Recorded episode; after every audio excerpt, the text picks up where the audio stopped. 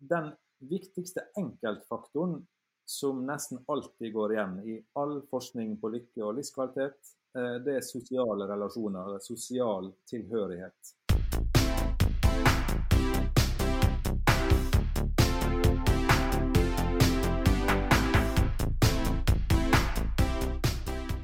Velkommen til Ledertaffel, NHHs podkast om ledelse. I denne podkasten kaster vi et blikk på aktuelle tema innen organisasjon og ledelse. Vi diskuterer hva forskningen sier, og vi kommer med noen av våre tanker om hva ledere kan gjøre annerledes for å lykkes der de er. Mitt navn er Marius Jones, og jeg er ph.d.-stipendiat her ved Norges handelshøyskole. I denne episoden snakker vi om lykkeforskning og kurset 'Lykken og det gode liv', et bachelorkurs på NHH. Selv om et lykkelig liv er noe de fleste av oss ønsker, har forskning på hva som bidrar til et godt liv, lenge vært fraværende i psykologifaget. Det har endret seg, og forskning på life satisfaction og well-being har i senere tid skutt fart. Men hva har egentlig denne forskningen kommet frem til? Og kan vi egentlig lære oss å bli lykkeligere? Vi utforsker dette i en ny episode av Ledertaffel.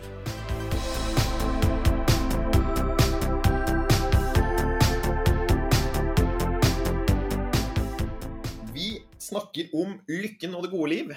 Og med meg i studio så har jeg Helge Torbjørnsen, som er doktor Ekon og professor på NHH, og Hallgeir Sjåstad, som er klinisk psykolog og forsker hos Fair Inside Team hos SNF. Så velkommen til begge dere to. Takk for det. Takk. Og selvfølgelig velkommen til min faste podkastmakker, førsteamanuensis og prorektor Therese Sverdrup. Tusen takk. Jeg tenkte Vi skal begynne, vi skal snakke om lykken og det gode liv, og det er jo navnet på et kurs dere har, Helge og Hallgeir. Der hvor dere har satt lykkeforskning på timeplanen på NHH gjennom dette bachelorkurset som har blitt veldig populært. NHH det er jo en handelshøyskole, og der lærer jo studentene en del om bedriftsøkonomi, strategi, finans og en del andre emner som gjør at de er i stand til å lykkes i næringslivet. Og deres kurs virker jo å dreie seg om noe ganske annet. Så kan ikke dere si litt om, om bakgrunnen for kurset? Hva er det som, som, gjør at vi bør ha et kurs i, i lykke på, på, pensum på en handelshøyskole? Ja, for det første så er en, en, viktig bit av det at vi vet jo veldig mye mer nå enn for 20 eh, år siden om hva som gjør folk lykkelige. Så det er masse gøyal forskning som skjedde de siste 20 årene på dette, og det tenker vi det er verdt å spre til, uh, spre til verden. Det, lykke er viktig, og det er viktig å vite noe om ikke minst bare hva man tro, men hva som vitenskapelig har vist seg å gjøre folk eh, lykkelige. Og særlig tidlig i livet. Det er derfor vi har lagd dette som et bachelorkurs òg. For vi tror det er viktig at folk får litt eh, De kan velge å forholde seg til det eller ikke, men få innsikt i hva lykkeforskningen viser, og hva det er som, eh, som gjør folk eh, lykkelige, og hva som kanskje bidrar til å gjøre folk mer ulykkelige. Så på mange måter så har vi lagd det kurset som vi gjerne ville hatt når vi begynte å eh, studere. Og Har det noen sånne måte, effekter også utover det med at man er mer fornøyd med sitt eget liv? Altså jeg tenker da både sånn i forhold til den konteksten vi er med på en, på en handelshøyskole, og også sånn for folks liv generelt. Har det noen, noen gode effekter um, å være lykkelig utover det at man er lykkelig? For det høres jo ut som et veldig fint mål i seg selv også. Og så har jeg liksom inntrykk av at at det gir noen på en måte ringvirkninger som også man kan glede seg over? da? Ja, altså på en måte subtittelen på kurset er jo 'Hvordan ta bedre beslutninger'. Eh, og Betyr det at vi tar dårlige beslutninger eh, når det gjelder egen lykke? Nei, ikke nødvendigvis. Men eh, dersom vi er ulykkelige, så tar vi jevnt over dårligere beslutninger. Eh, og Det gjelder i livet generelt, og det gjelder på, på jobb. Så hvis du er lavere grad av lykke, da, så eh, har du jevnt over kanskje litt feil forventninger om fremtiden. Du prioriterer kanskje galt. Du håndterer risiko dårligere.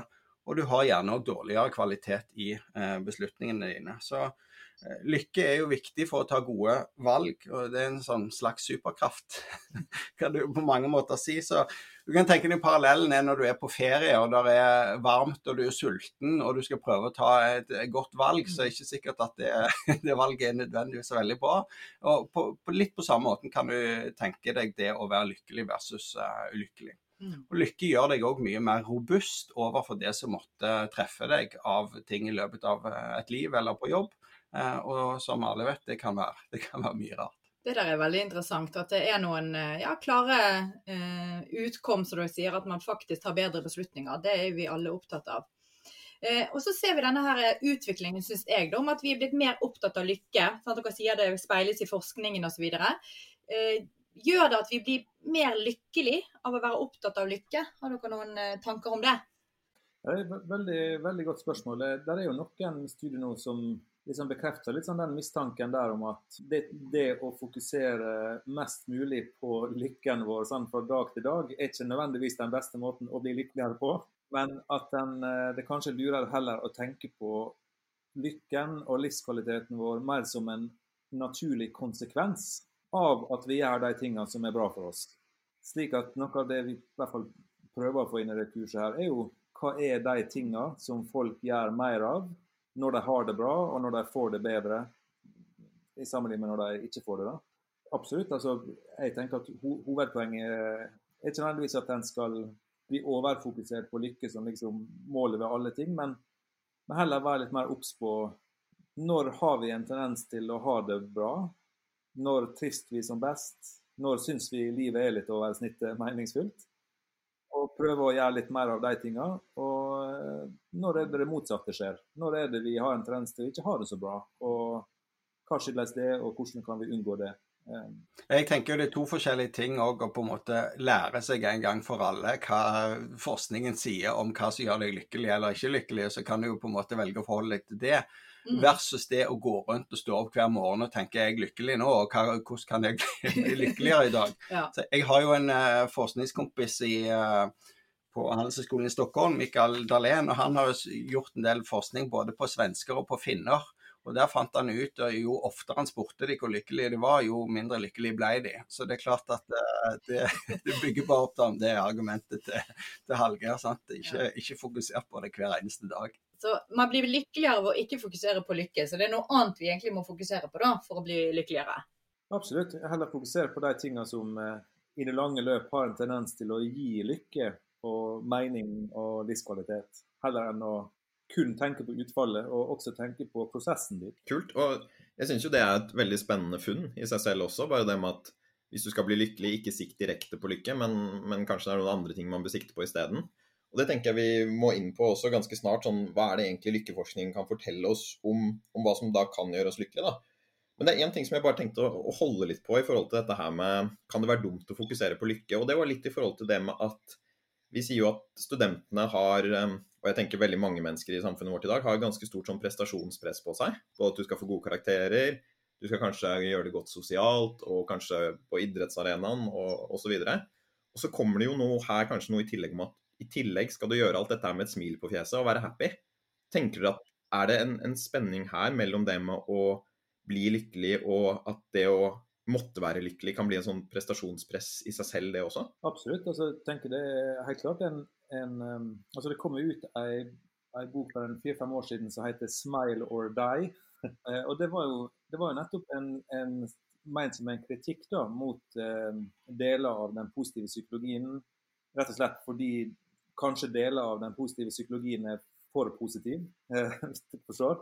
Eh, og at det er et eller annet med at eh, uansett hvordan en vrir og vender på det her, så består jo livet både av gode og dårlige ting. Og uansett hvordan en er skrudd sammen, og uansett hvor en lever på jorda, så er jo tapsopplevelser og lidelse og ubehag Det vil jo alltid være én del av livet, altså uansett hva en gjør.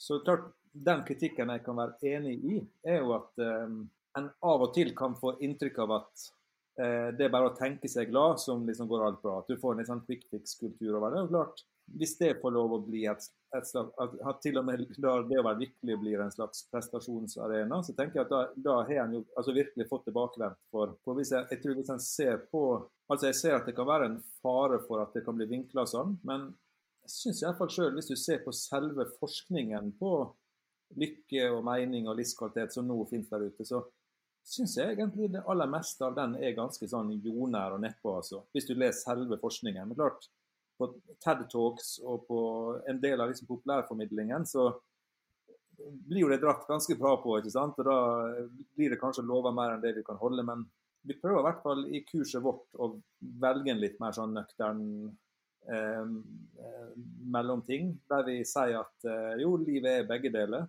men det er, det er noe vi kan gjøre for å få det litt bedre. Eh, heller enn å gjøre det til en slags lykkekonkurranse. For det, det tror ikke noen får det bedre av. om dette med, med, positiv psykologi. Det er ikke sikkert alle lytterne er inne i sjargongene her. og Det er jo litt eh, interessant, bare det begrepet. Psykologi er en ting, men vi har altså positiv psykologi.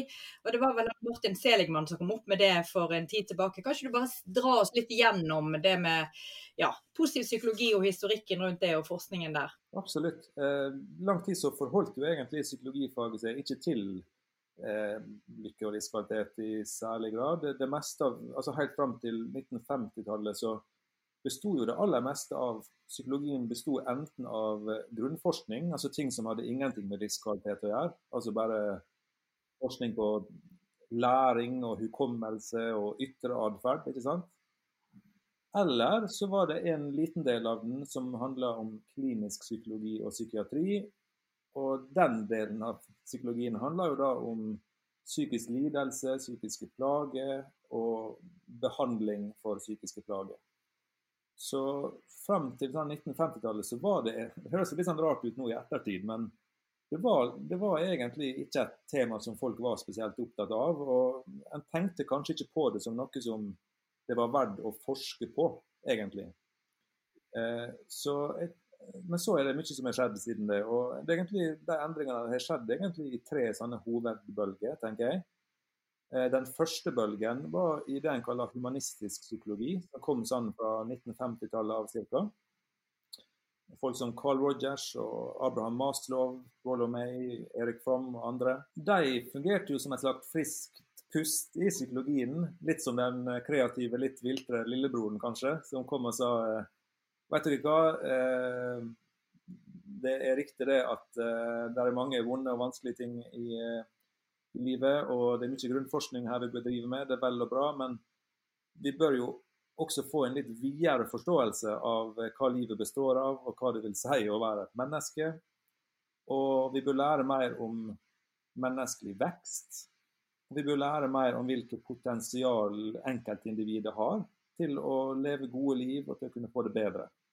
Så det var egentlig da en begynte å snakke om de tingene her som noe som psykologien faktisk burde være opptatt av. Det var ikke så mye empirisk forskning den gangen. altså Det, det begynte jo i det små, men det, det var mest som et mer sånn overordna perspektiv på hva psykologien kunne være og burde være. Og så ser en en andre bølge som begynte sånn rundt fra 1980-tallet av, med Ed her først, liksom da lykkeforskningen virkelig begynner. Og senere da ved den, den såkalte den positive psykologien ved Seligman fra 90-tallet av.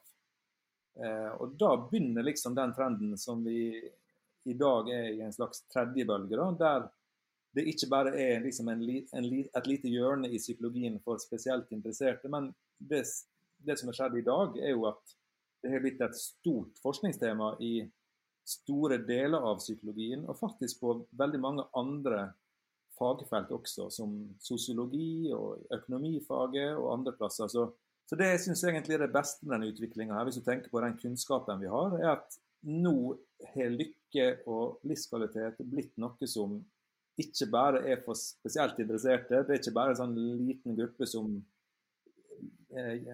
som jobber med de tingene her, men at i dag så er det blitt et stort tema som veldig mange ulike fagfelt eh, jobber med.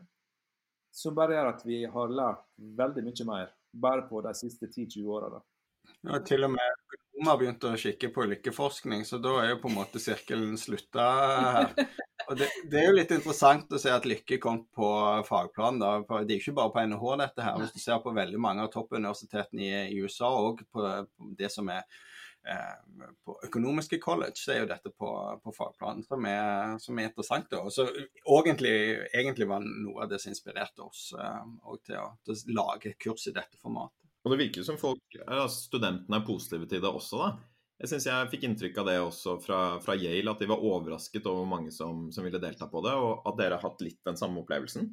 Er det, er det, mange som er interessert i det, og, og hva, hva, sier de når dere spør om hvorfor de er interessert i dette? Ja, Det, det er jo et godt poeng, da, for vi starta dette altså valgfag på bachelor. Meg og Hallgeir tenkte at det blir sånn lite koselig kollokvie med 30-40 studenter som er spesielt interesserte. Og så dukket det opp godt over 200 på første forelesning, og i år er det jo ganske mye mer enn det òg, nærmere 300 studenter på, på og Akkurat det samme de opplevde på Yale, det sprengte jo på en måte kapasiteten til og med på den største forelesningssalen de hadde der borte, så vel tar et par tusen stykk. Det har truffet en annen streng, da. Uh, hos, uh, og det er ikke så rart, for at folk, særlig bachelorstudenter, du begynner så vet du ikke så veldig mye om verken hva du har lyst til å bli i livet, eller hva som er nødvendigvis viktig for deg. Og så går du på handelshøyskole hvor du tenker at ok, iallfall penger må være en ting som er viktig.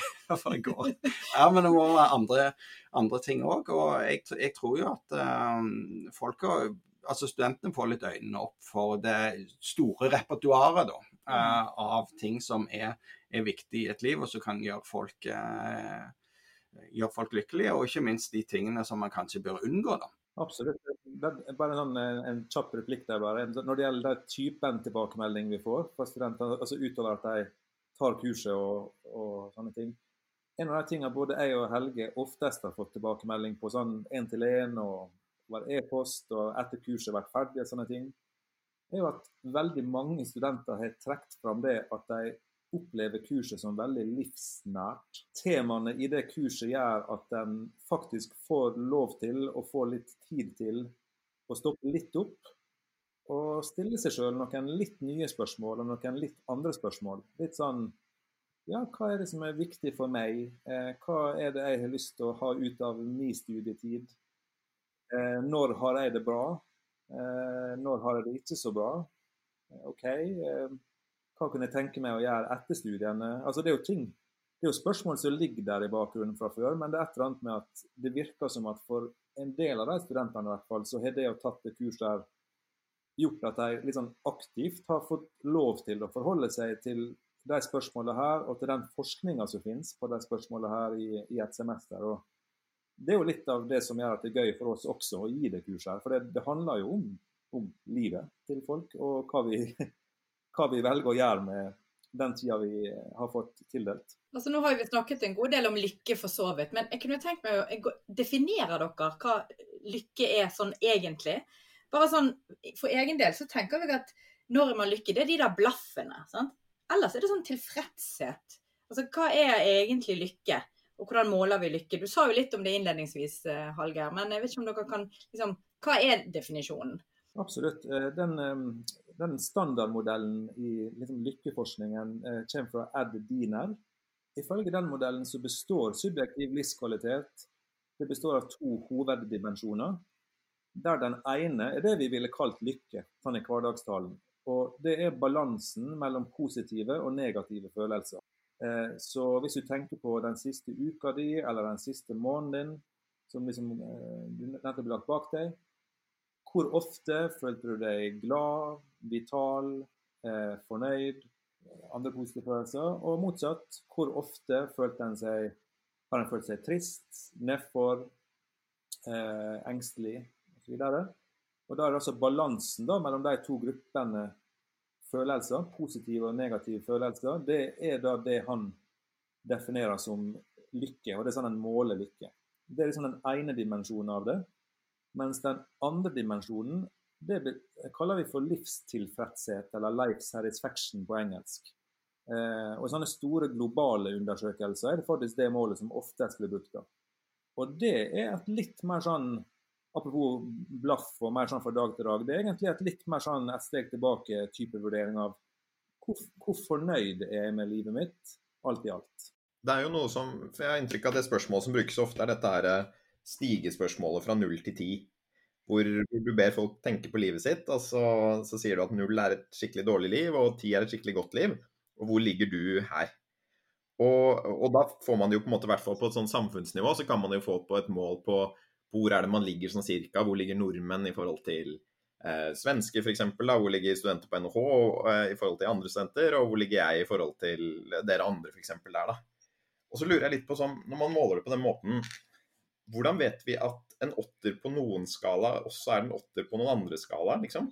Kan man, kan man vite det? For jeg kan jo se for meg at f.eks. at min, min syver da, er ganske annerledes enn f.eks. kjæresten min sin syver. For jeg, hun virker jo mye mer sånn eh, Hun er mye mer sprudlende og livsglad enn meg, da, og, og, da tenker jeg at hun kanskje har liksom nivellert det litt annerledes her. da.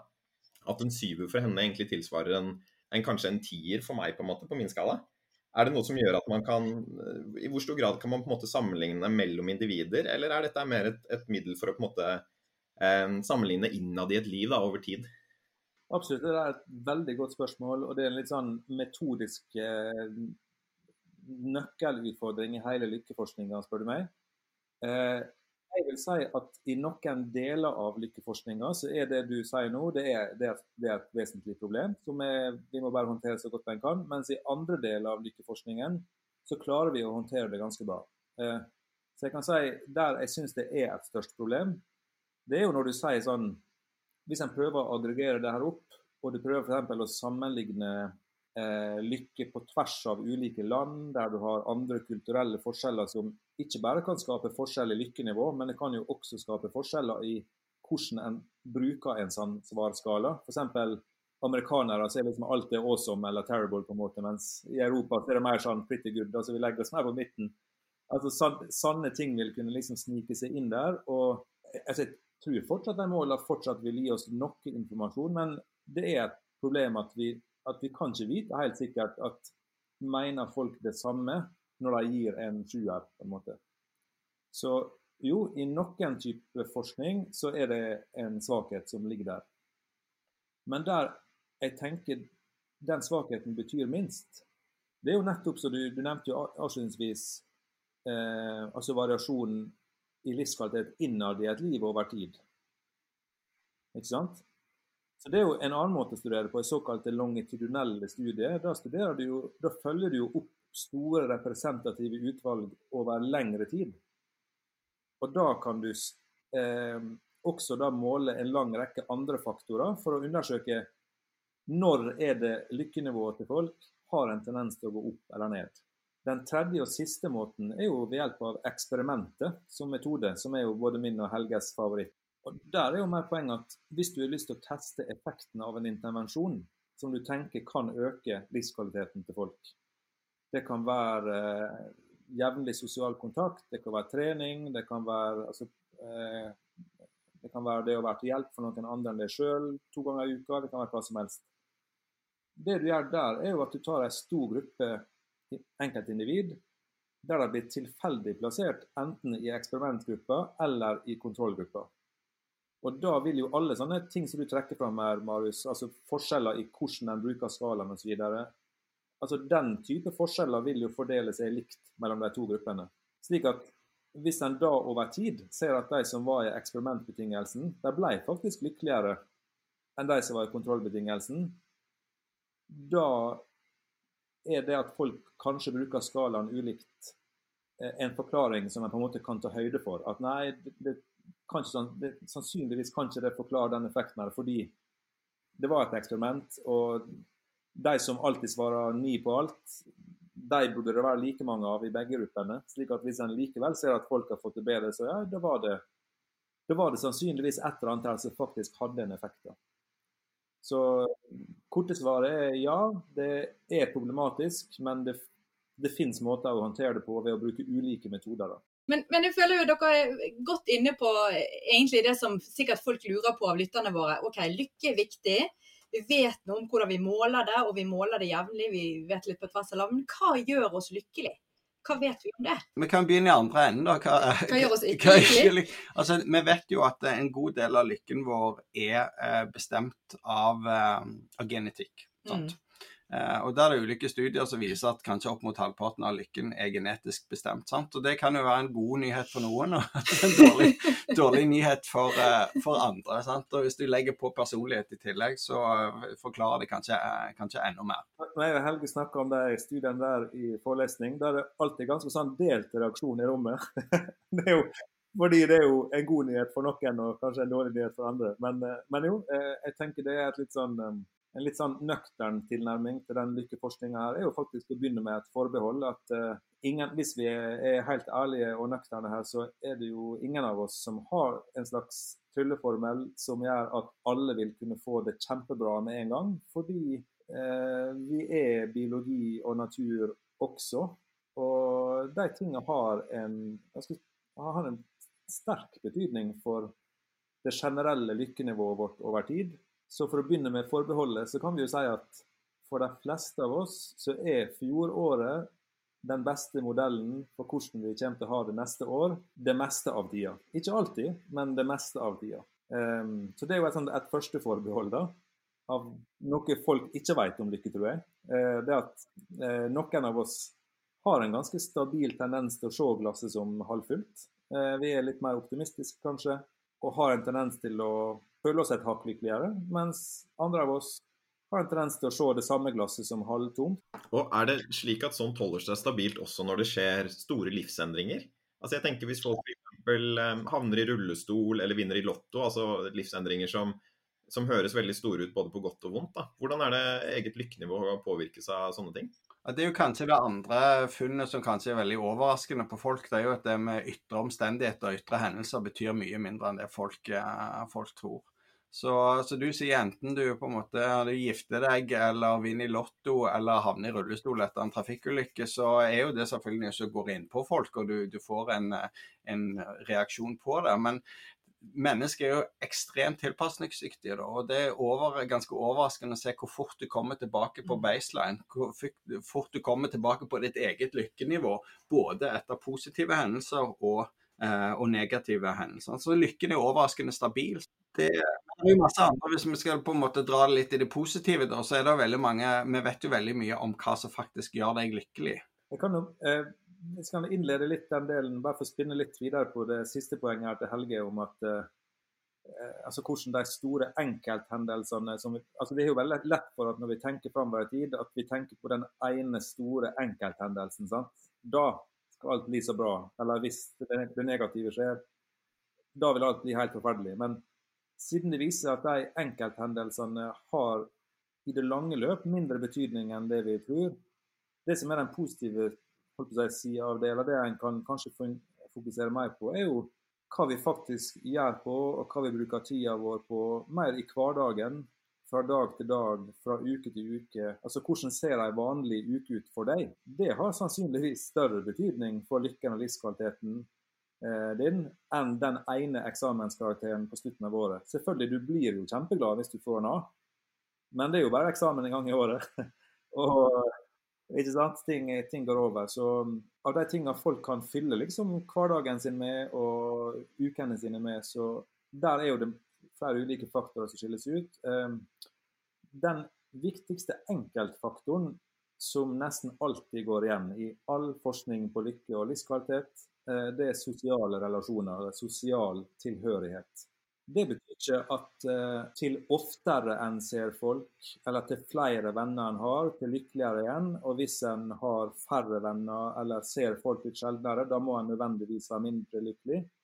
Uh, hovedpoenget er mer har du noen gode relasjoner som er viktige for deg, som, du, som er folk du trives sammen med, som du kan ringe når ting er vanskelig, og som du kan ta en øl med når ting går bra. Altså Har du noen sånne i livet ditt, eh, det er det som ser ut for å være virkelig viktig for folk. Eh, der det å ikke ha det, er en veldig sterk prediktor for eh, altså lav livskvalitet, lav lykke, lav mening i livet, eh, psykiske plager osv. Så, videre. så så Hvis vi skal begynne på toppen, så vil jeg si at, at sosiale relasjoner den, ser ut for å være den aller viktigste enkeltfaktoren. Og Er det noe mer vi kan si om de sosiale relasjonene? Du sier jo litt om innholdet i de, da, at det handler ikke om kvantitet, men om kvalitet, høres det ut som. Og at du har noen du kan snakke med og, eh, som på en måte er der som en støtte for deg og sånne ting. Er det, er det andre ting vi vet om kjennetegn med de relasjonene som predikerer lykke? Og er det noe på en måte folk gjør i relasjonene som gjør at de, de blir de høykvalitetsrelasjonene? Ja, altså Der er jo litt forskning, så, eller ganske mye faktisk, som tyder på at det som kalles prososialitet sant? det er en mm. viktig ting. og Det er to så, hovedfaktorer der som er veldig viktige. Eh, det ene er sjenerøsitet, og det andre er takknemlighet. Og Det er jo ofte ting man gjerne utøver sammen med, sammen med, med andre. Mm. Så det å, og det er jo greit å tenke på i både disse koronatider ellers òg. Eh, sjenerøsitet og det å være raus eh, med andre er noe som er ganske sterkt forbundet med, med lykke. Og det å være takknemlig. og det, det, er mange måter og Du kan være takknemlig overfor andre og liksom gi de eh, gi dem en god følelse av å, av å, være takknemlig og for å få lov til å være sammen med dem. Men òg være takknemlig for det livet man har. Sant? Av og til bare stanse opp og lukte på, på blomstene, som det heter. Og, og, rett og slett ta et steg ut av situasjonen og si her, her er jeg, hva, hva det, det, kunne vært så mye, mye verre. Så mm. sjenerøsitet og takknemlighet er jo to faktorer som er, som er veldig viktige for lykke. Å skille de som er lykkelige, for de som er Alle, alle har én venn som du vet er litt sånn eh, litt mindre sjenerøse, litt mindre takknemlige i livet, og de er stort sett, stort mindre, sett mindre lykkelige. Ja. Så, så, det er, er den. Og lenger ned på lista, Hallgeir, så kommer vi ofte på ting som har med helse å gjøre. Sant? God helse, trening, spise sunt. Bare en, eh, Vi skal komme en replikk på bare til det spørsmålet til Marius om, om flere ting som folk i gode relasjoner faktisk gjør sammen, som er med på å gjøre deg lykkelige. Jeg tenkte jeg bare ville legge til en siste ting. er jo, er jo det her med at en av de tingene som sosiale relasjoner gjør med oss, er jo at det reduserer effekten av negative ting, og det forsterker effekten av positive ting. Slik at hvis en har noen gode relasjoner i livet sitt, det kan være venner, partner, familie, kollegaer, det spiller egentlig ingen rolle hvem det er, så lenge det er noen som du trives godt sammen med, og som du vet er der når det trengs. Eh, jeg tror det som virkelig er fint ved det, er jo at når ting er vanskelig, og det skjer kjipe ting, så blir det litt mindre vanskelig, og det blir litt enklere å håndtere det hvis du har noen å dele det med. Og Det betyr ikke nødvendigvis at en skal snakke om det heller. Det kan bety det. At en kan snakke om det sammen, og en kan forklare hva som har skjedd, og hvorfor det er vanskelig. Men det kan også være noe så enkelt som å gå en fjelltur sammen, eller se en fotballkamp, eller bare det å gjøre noe helt annet sammen, eh, gjør at de negative tingene eh, blir mindre negative. Eh, og en ser også motsatt effekt for de positive tingene i livet. Eh, det er jo gøy å vinne i livet, men det er jo enda gøyere stort sett hvis du har noen å kunne dele den seieren med. Og Der ser vi at folk som generelt sett føler seg lykkelige og syns at de har eh, god livskvalitet, jo de har som regel nok, noen sanne i livet sitt som de kan dele både de eh, positive og negative tingene med. Men en refleksjon da rundt eh, genetikk, personlighet osv. Noen snakker om generøsitet og, og, og, takknemlighet. Eh, jeg vil jo gjerne tro at det er knyttet litt opp mot personlighet og tilbøyeligheter vi har. Da, vet vi om noen studier der man har ja, kjørt disse eksperimentene og intervensjonene på folk som har øvd seg på å være mer takknemlig? Være mer sjenerøs, og at det har hatt noe utslag. Jeg var litt nysgjerrig på om det faktisk er mulig. Ja, det, det er noen bøtteting du eh, kan gjøre der, og det er jo eksperimentelle studier som ja. viser sånn, Litt uavhengig av personligheten din, så kan du øve deg på mm. dette her. og Noen er jo mer sånn de berømte studiene med OK, skriv en sånn her takknemlighetsbrev. sant? Eller Enten til deg mm. sjøl eller til mm. men, uh, Og det var det en del som gjorde i kurset, særlig første gang vi kjørte det. Så skrev en sånn skrev et, uh, sånn, et, brev til den beste læreren de hadde på barne- eller ungdomsskolen. Og skrev okay. et sånn takk, takkebrev mm. til vedkommende. Og Det var noe av det de sjøl rapporterte de fikk størst på en måte glede av. Da. Både den spenningen med å sende det, ja. og, og, og, og, veldig mange av de fikk jo svar òg. Så det er jo òg den type øvelser kan du gjøre enten du er på en måte uansett hva personlighet du har, og om du mm. er tusse- eller tigergutt, så er det, så er det fullt mulig å, å, gjøre en rekke øvelser eller intervensjoner i hverdagen. Så har vi sjenerøsitet og takknemlighet å gjøre, som faktisk da empirisk har bevist seg å øke lykken. Men er det da et blaff av lykke, eller får de et høyere generelt nivå av lykke? Det er det jeg lurer litt på. De får jo for lykke der og da, men hvis du da klarer å gjøre dette her til, til, noe som du ikke bare gjør én gang, mm. men som, som, du endrer innstillingen og, eh, og, måten du er på, så får de jo da en mer permanent endring av, av lykke. Som igjen egentlig passer litt sånn med hovedtemaet i den forskninga her og i kurset vårt, at det handler ikke altså Lykken og livskvaliteten vår handler kanskje ikke mest om den ene store finalen som skjer en gang i året. Men av de tingene vi kan gjøre noe med sjøl, så handler det kanskje mest om det vi vanligvis gjør i løpet av en vanlig uke. Slik at så Spørsmålet ditt er jo veldig godt. Therese. Sånn, er det sånn, ja, men er det her en sånn engangsting? Og da vil jo jeg tro at hvis det er noe du gjør en gang, så ja, da blir du sikkert eh, litt eh, glad der og da. og Du kjenner kanskje at det her var en meningsfull og fin ting å kunne gjøre. Og så går det noen timer eller en dag, og så er det gått over. Poenget i hvert fall en del av de studiene her er jo at folk over tid har f.eks. satt av én dag i uka. Så er forskning på sjenerøsitet. Ja, blir vi lykkeligere og blir livet mer meningsfullt hvis vi er til hjelp for noen andre enn oss sjøl? Og Da har jo de studiene f.eks. sagt OK, hver fredag framover samle opp alle de gode gjerningene du har lyst til å gjøre for noen, og så gjør du det hver fredag F.eks. den neste måneden, eller de neste tre månedene.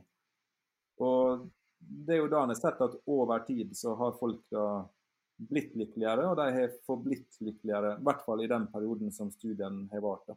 Kan vi gå litt mer inn i det, sånne vaner og ting du gjør knyttet til sosiale relasjoner? Fordi det er litt som dere sier, og det er også mitt inntrykk at det virker som er den store, store tingen som går igjen. At gode sosiale relasjoner er bra for lykke. Og da lurer jeg litt på hva hva er det dere ber studentene gjøre, eller hva slags måte, øvelser og intervensjoner er det man på en måte kan gjøre for å øke kvaliteten på sine sosiale relasjoner? da? Ja, så Vi viser jo til eh, flere eksempel bare fra forskninga til hvilke type øvelser de kan gjøre.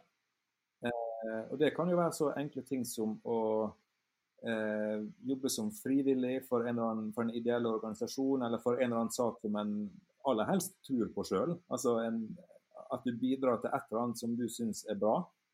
Det kan jo være en studentorganisasjon, det kan være eh, Røde Kors, det kan være eh, altså hva som helst. Eh, og det å kunne gjøre det på jevnlig basis eh, kan være bra for folk, og det kan være bra for samfunnet. Det kan være det å helt sånn vanlig være til hjelp for noen i livet ditt. Eh, litt mer jevnlig. Familie, venner, kollegaer, hvem det måtte være.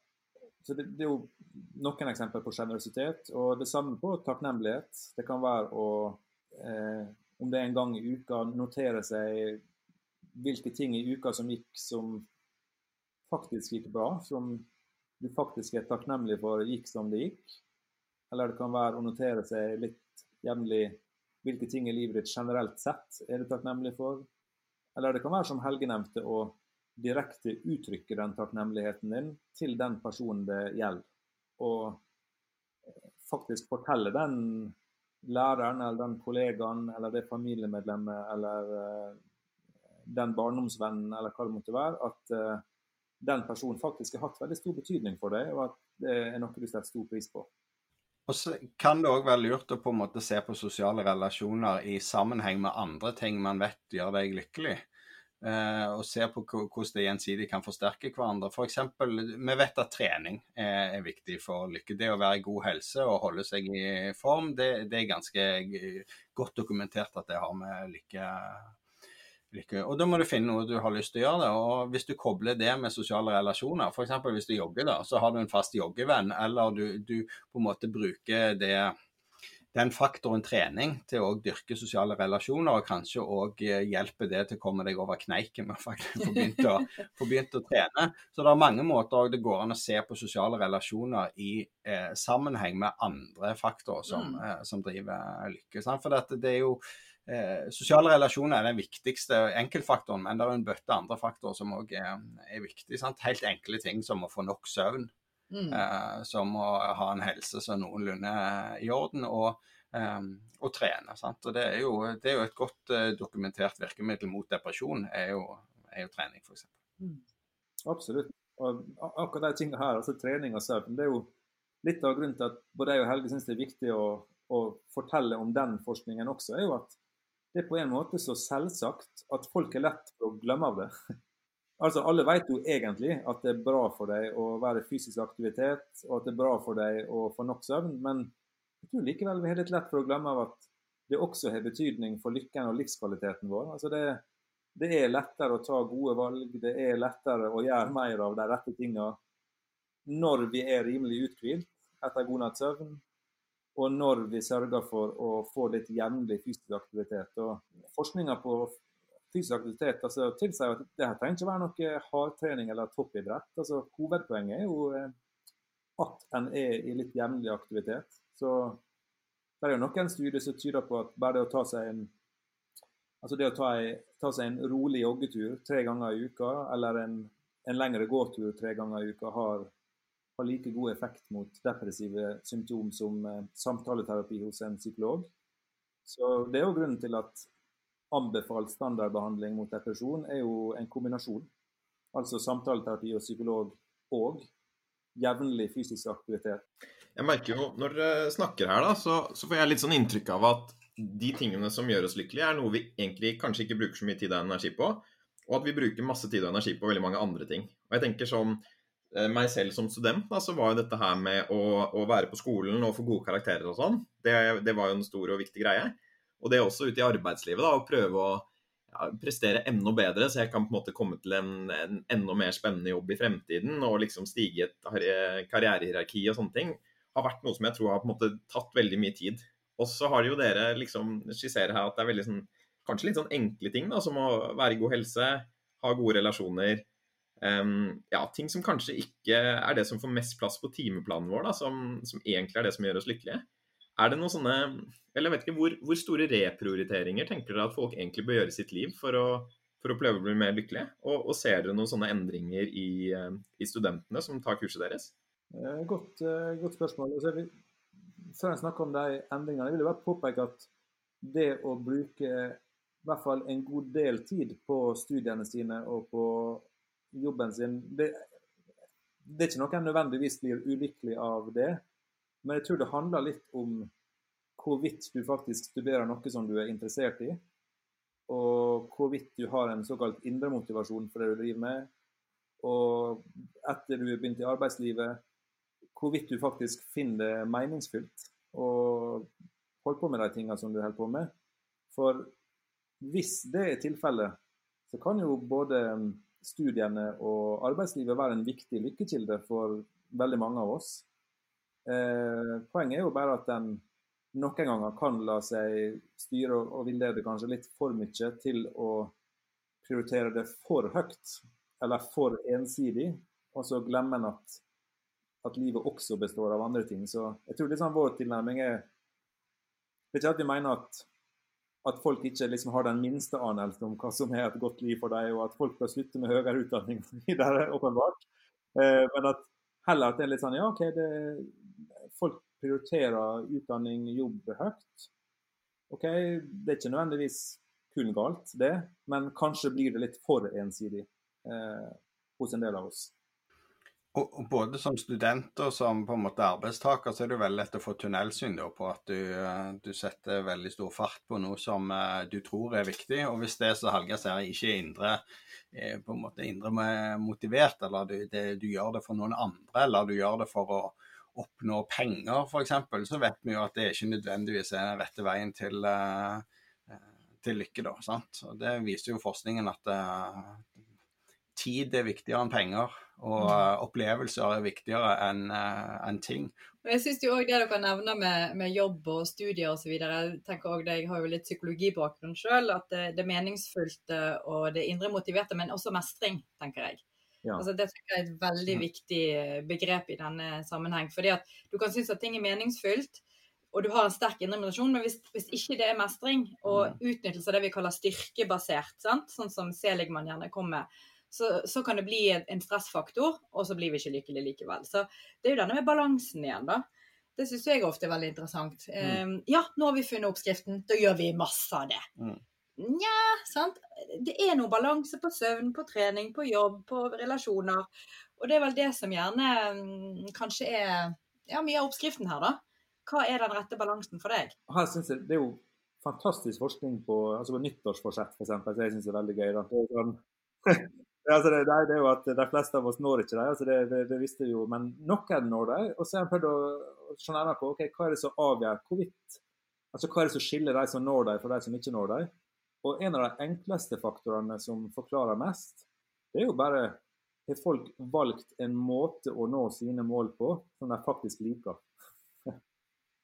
altså ja, så hvis du for tenker trening, da. Mange av oss tenker jo den 30. desember. Jeg tenkte i hvert fall den 30. desember. tenkte jeg. Så tenkte jeg ja, eh, kanskje en skulle trent litt mer jevnlig igjen. Kanskje det hadde vært bra. Eh, men hvordan kan jeg nå det målet? Jo, jeg kunne jo tenkt nå skal jeg gå all in her og møte på Barry's bootcamp klokka sju om morgenen eh, fire dager i uka. Sant? Jeg kunne jo tenkt det. Og det hadde jo vart. Altså, jeg, jeg hadde jo hata det intenst. sant?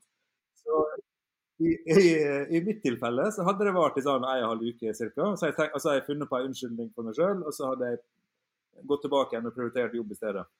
Sånn som de fleste av oss.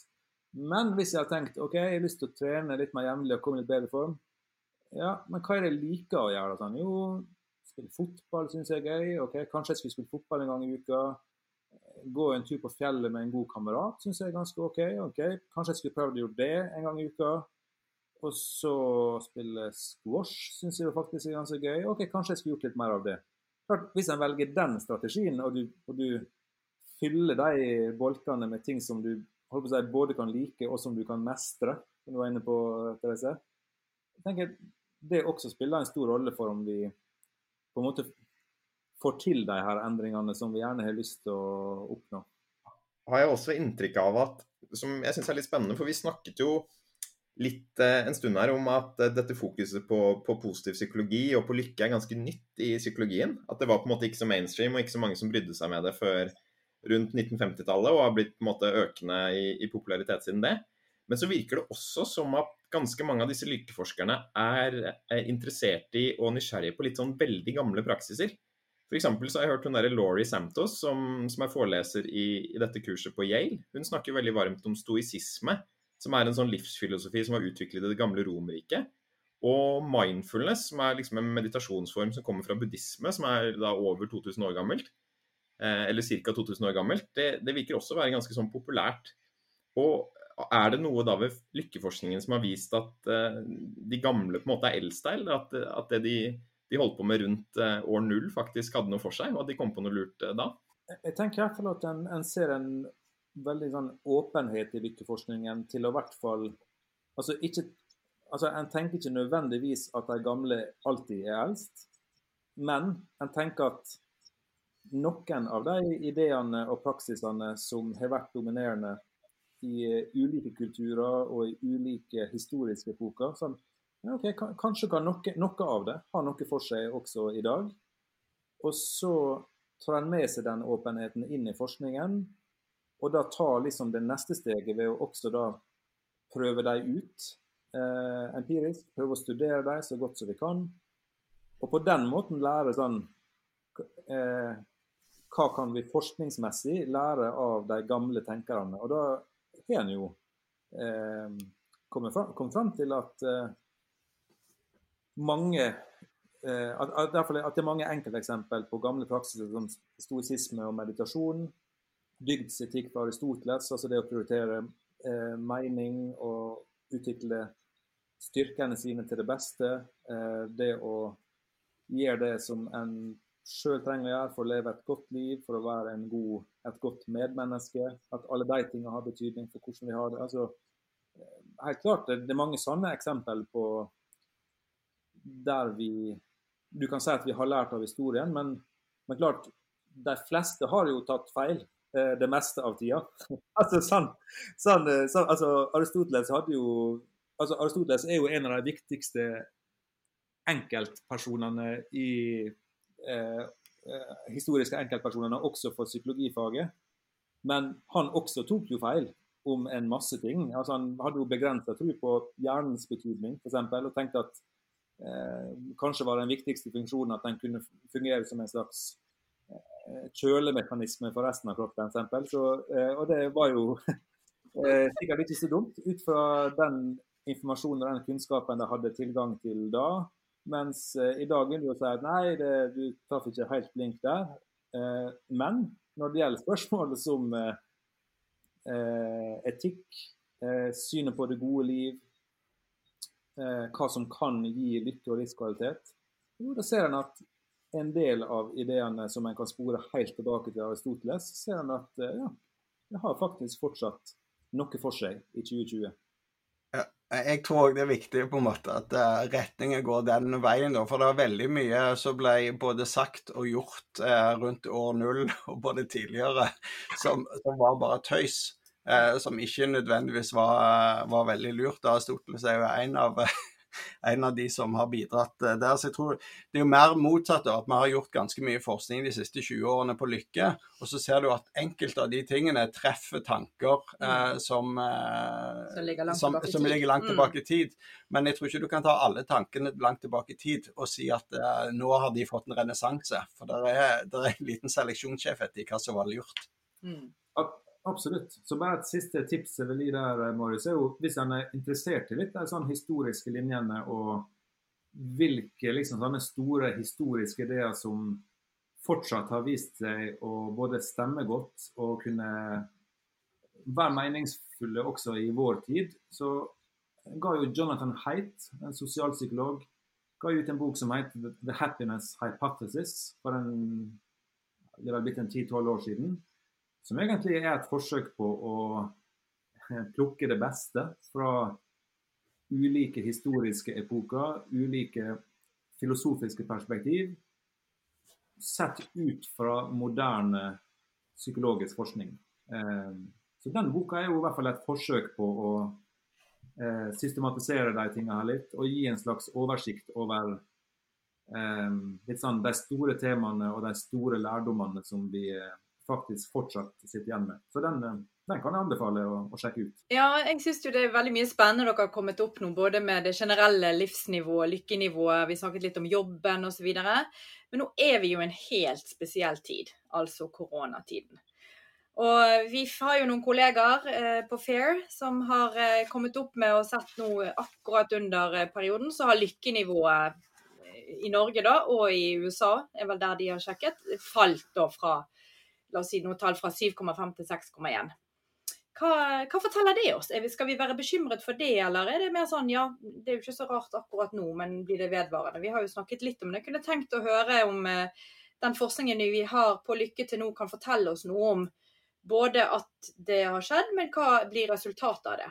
Eh, jeg tror ikke det er så veldig vanskelig å forklare det ut fra forskningen. Sant? For akkurat det Hallgeir har pekt på òg, om, uh, om, viktigheten av sosiale relasjoner. Mm. Eh, viktigheten av frihet og autonomi. Mm. Det er ganske mange ting vi har tapt i denne perioden. her. Det er sosial isolasjon, det er tap av autonomi det er tap av inntekt for noen. Så du får jo òg en ganske Altså korona har jo ramma ganske skeivt. Mm. Noen av oss har ikke fått noe, har nesten bare fått fordeler. og liksom Boliglånet er blitt billigere, og strømmen er blitt billigere, og vi har den samme jobben. Men en del andre har, har fått seg en ordentlig, eh, ordentlig smell. Sant? Så usikkerhet er, er, jo heller ikke bra. Men det er jo primært sosial isolasjon, da. Og, eh, men jeg tror òg den det at det rammer litt skeivt, og at folk òg har fått veldig mye tid til å bruke bl.a. på sosiale medier. Mm. Og Sosial sammenligning er jo ikke akkurat veldig katalysator for lykke, for det stort, ser stort sett oppover på de som har det bedre enn deg sjøl. Og mm. der har det blitt enda større, større forskjeller. Så, så, det er jo i stor grad sosial isolasjon sant? Eh, og mangel på de eh, impulsene vi vanligvis har, eh, har hatt. Men så er jo den den gode nyheten er jo at som alt annet i livet, sant, så går det over. Og mennesket er mm. veldig tilpasningsdyktig. Sant? Så jeg tror ikke korona er verre enn å havne i rullestol eh, eller andre livshendelser som vi vet går over på relativt kort eh, tid. Det viser vel dataene òg, Hallgeir, at eh, det er i ferd med å flate seg ut igjen. Det jeg også tenkte når jeg leste de resultatene, var jo altså det første at jeg syntes det var en veldig interessant undersøkelse ved at den er gjort i såpass stor skala, og at de har brukt det samme målet som de her store globale studiene bruker, slik at en faktisk kan sammenligne lykkenivået over tid, i hvert fall rimelig godt. Så jeg tenker det er sånn to, eh, jeg tenker det er to ting om det. Det første jeg tenker er at det, viser hvor alvorlig situasjonen nå faktisk er for folk, altså i nåtid. Eh, og det viser altså Vanligvis når det skjer ting der ute i samfunnet, så har det veldig liten betydning på lykkenivået til folk. Fordi for de fleste av oss er jo eh, lykkenivået vårt og livskvaliteten vår er rimelig stabil. Eh, så det at det i det tilfellet her faktisk har skjedd et stort og markant fall, det er jo liksom første lærdom at OK, det, det viser hvor, hvor, alvorlig og hvor spesiell den situasjonen er, og hvor spesiell den har vært de siste, de siste månedene. Det er liksom det, det første jeg tenker. Eh, det andre er jo at den studien er jo basert på et slags øyeblikksbilde av hvordan folk hadde det når koronatiltakene var liksom på de sterkeste, og hverdagen til folk var på sitt mest eh, Der forskjellen var på sitt aller største. Eh, og da så en at lykkenivået hadde fått seg en såpass sterk eh, knekk. Men så så jeg nå noen mer nyere data nå som er basert på en longitudinell studie i USA, der en har fulgt et stort representativt utvalg over lengre tid. Eh, både før, under og fortsatt da under korona i USA. Og de dataene viser at de dataene, altså den studien målte ting som eh, depressivitet, engstelse, altså mer de negative aspektene. da. Og den studien også viste jo at et, liksom en stor spike eller en stor økning i eh, depressivitet og engstelse rundt eh, mars-april, når eh, koronakrisa i USA var rimelig ny, og når tiltakene akkurat holdt på å bli iverksatt, og i den første delen av de tiltakene. Så første del av den studien bekrefter jo at jo, livet ble veldig vanskelig for veldig mange amerikanere i den perioden. Men det fascinerende er jo at allerede nå viser de dataene en slags utflatning, eller at folk da begynner å vende tilbake igjen til sin egen baseline. Eh, altså bare en og en halv måned senere. Slik at situasjonen i USA er jo fortsatt helt forferdelig vanskelig, og den er dramatisk på et helt annet nivå enn her i Norge. Altså de har eh, For et par uker siden så nådde de jo det høyeste totale dødsantallet i verden. Eh, de har et veldig mye dårligere helsevesen for folk med lav inntekt. Eh, og det er veldig mange ting som er mye vanskeligere i USA enn det, det er her. Men det, det, er nettopp derfor jeg syns det er i hvert fall sånn forskningsmessig fascinerende at til tross for at situasjonen der borte fortsatt er veldig vanskelig, så ser vi at folk har begynt å tilpasse seg allerede. Og så er det selvfølgelig et åpent spørsmål hvordan det her vil gå videre, men hittil tyder det i hvert fall på at de her den her menneskelige tilpasningsevnen som vi snakker om, som faktisk er overraskende og imponerende sterk. at jeg tror vi ser nå at den allerede har begynt å kicke inn. Og så kan det jo være noe med at når du da i, går i lockdown og endelig åpner opp igjen, så blir vi enda lykkeligere. For da har vi virkelig lært oss å sette pris på, på det vanlige liv og rutinene våre. Så, men igjen, som du sier, så er det vel å spekulere at ting flyter vel tilbake sånn noenlunde til det normale vanligvis, da. Og det vil vi vel kanskje finne her også. Absolutt. Så jeg tenker for de, de fleste av oss så tror jeg det er det som vil skje på lang sikt. Så jeg tror vel det jeg er mest bekymra for, er jo mer det var, jo, det var jo en av tingene Alexander Cappelen også tok opp i sin kronikk, er jo at sånne kriser som det her rammer ulikt. slik at jeg tror for de fleste av oss, og for flertallet i befolkningen, så vil det i det lange løp eh, går bra eller bra nok, og en vil vende tilbake igjen til en slags normal eh, på et eller annet tidspunkt. Problemet er jo at de som fra før hadde lav inntekt, eh, kanskje mista jobben nå, eh, lav eller ingen formell utdanning, kanskje de hadde psykiske plager fra før, eller i hvert fall hadde en vanskelig livssituasjon. Klart, For den gruppa så er jo det en reell risiko for at det er ikke bare det at de får det dårligere nå underveis i krisa, men at det der er en del som eh, vil kunne få varige problem, som ikke uten videre vil gå over i løpet av tre til seks måneder. Og at spesielt i et land som USA at det vil kunne gi eh, store helseutfordringer. For det er, vel, det er vel den delen jeg er mest bekymra for. Det, det, er jo interessant å se, for vi har snakket mye om at folk tilpasser seg negative og positive ting veldig veldig godt. og At det på en måte ikke er noe vits å kjøpe deg en bil for du blir vant med den. og Det er ikke så farlig om det skjer noe negativt til deg, for du, blir, du tilpasser deg. Men en av de få avvikene du har fra akkurat det, det er jo, eh, det er jo dette med menn som mister jobben. Mm. Det, er, eh, det er særlig menn mm. Eh, som mister jobben og, og blir arbeidsledige over lang tid.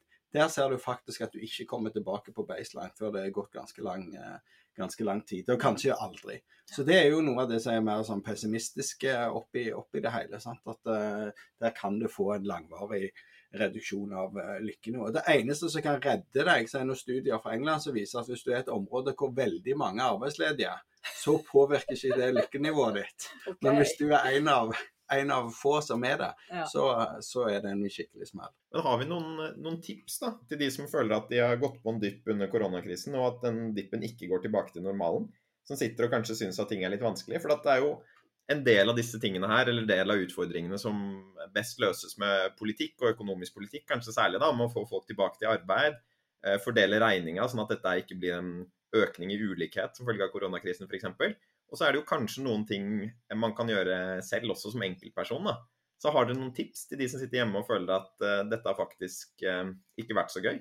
Og hva er det de kan gjøre for å på en måte prøve å stabilisere lykkenivået sitt litt? Eller, eh, eller i hvert fall ha det OK da, i den tiden som, som har vært, og som, som fortsatt består? Eh, litt, en sånn første ting er jo bare, Jeg vil jo bare si eh, som psykolog vil jeg veldig gjerne bare si at hvis du har det virkelig vanskelig, og hvis du er virkelig bekymra for hvordan det her skal gå, så ta kontakt med fastlegen din i dag og si at du, du trenger oppfølging.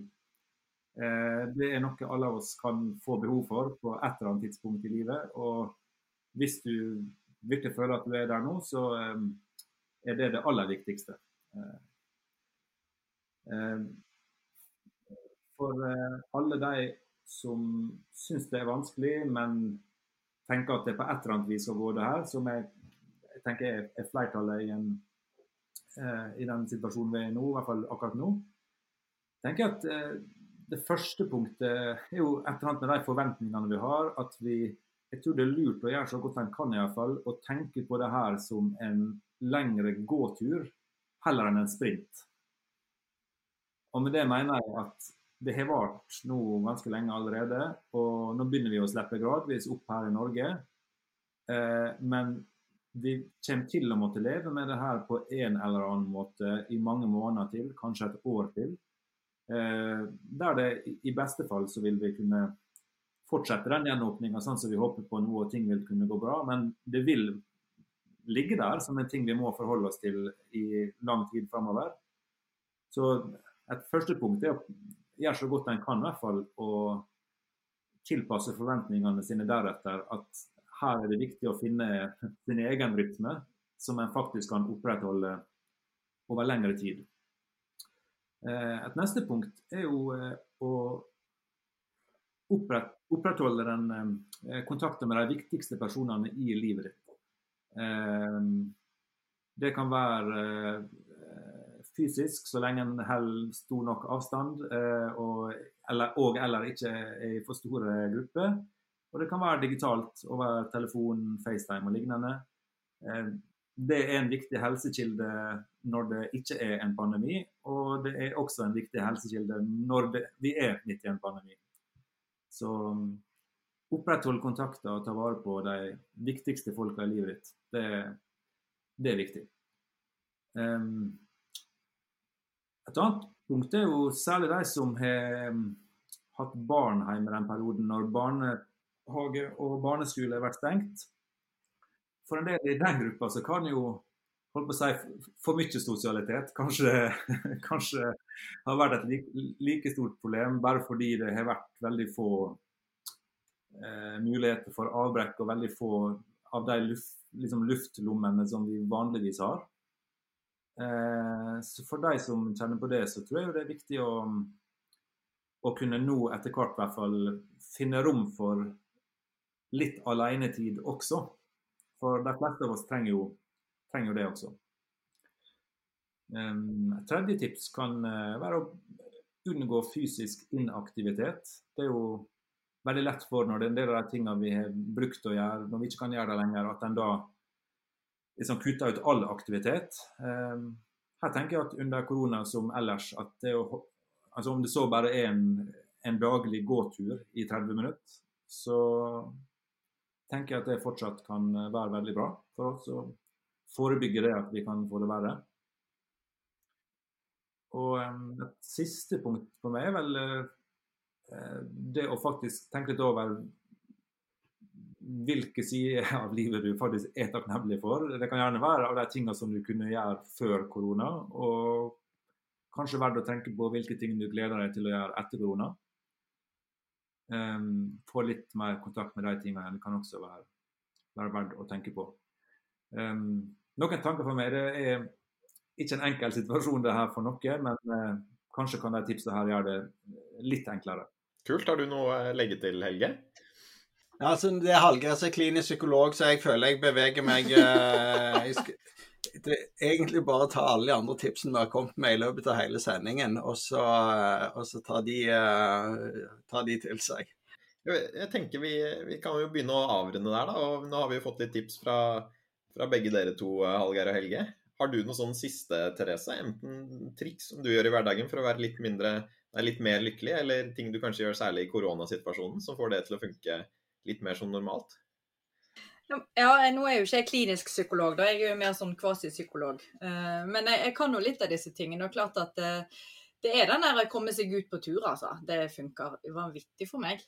Eh, og jeg hører jo da på podkast underveis også. Ikke vår podkast, Marius, må jeg innrømme, for den spiller vi jo inn. Men veldig mange gode podkaster der ute som jeg syns er med å berike livet mitt både faglig, det kan være tull og tøys jeg hører på, eller noe sånt. Og det, det tenker jeg er mitt siste tips, i hvert fall. Herlig. Hør på podkast. Det syns jeg er en glimrende måte å avslutte denne podkasten på. Vi har jo fått lagt ut en del episoder også, så vi, det går jo an å starte der med resten av Ledertaffel f.eks., hvis dette var interessant.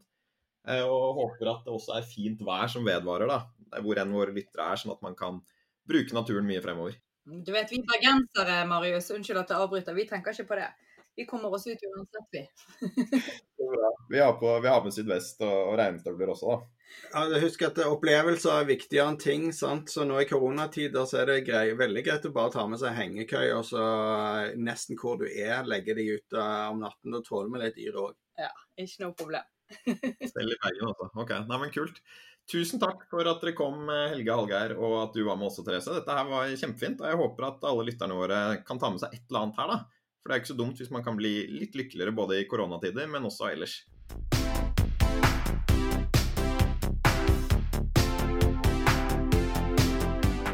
Du har nå hørt en ny episode av Ledertaffel, NHHs podkast om ledelse. I studio i dag var jeg, Marius Jones, sammen med Therese Sverdrup, Helge Torbjørnsen og Hallgeir Sjåstad.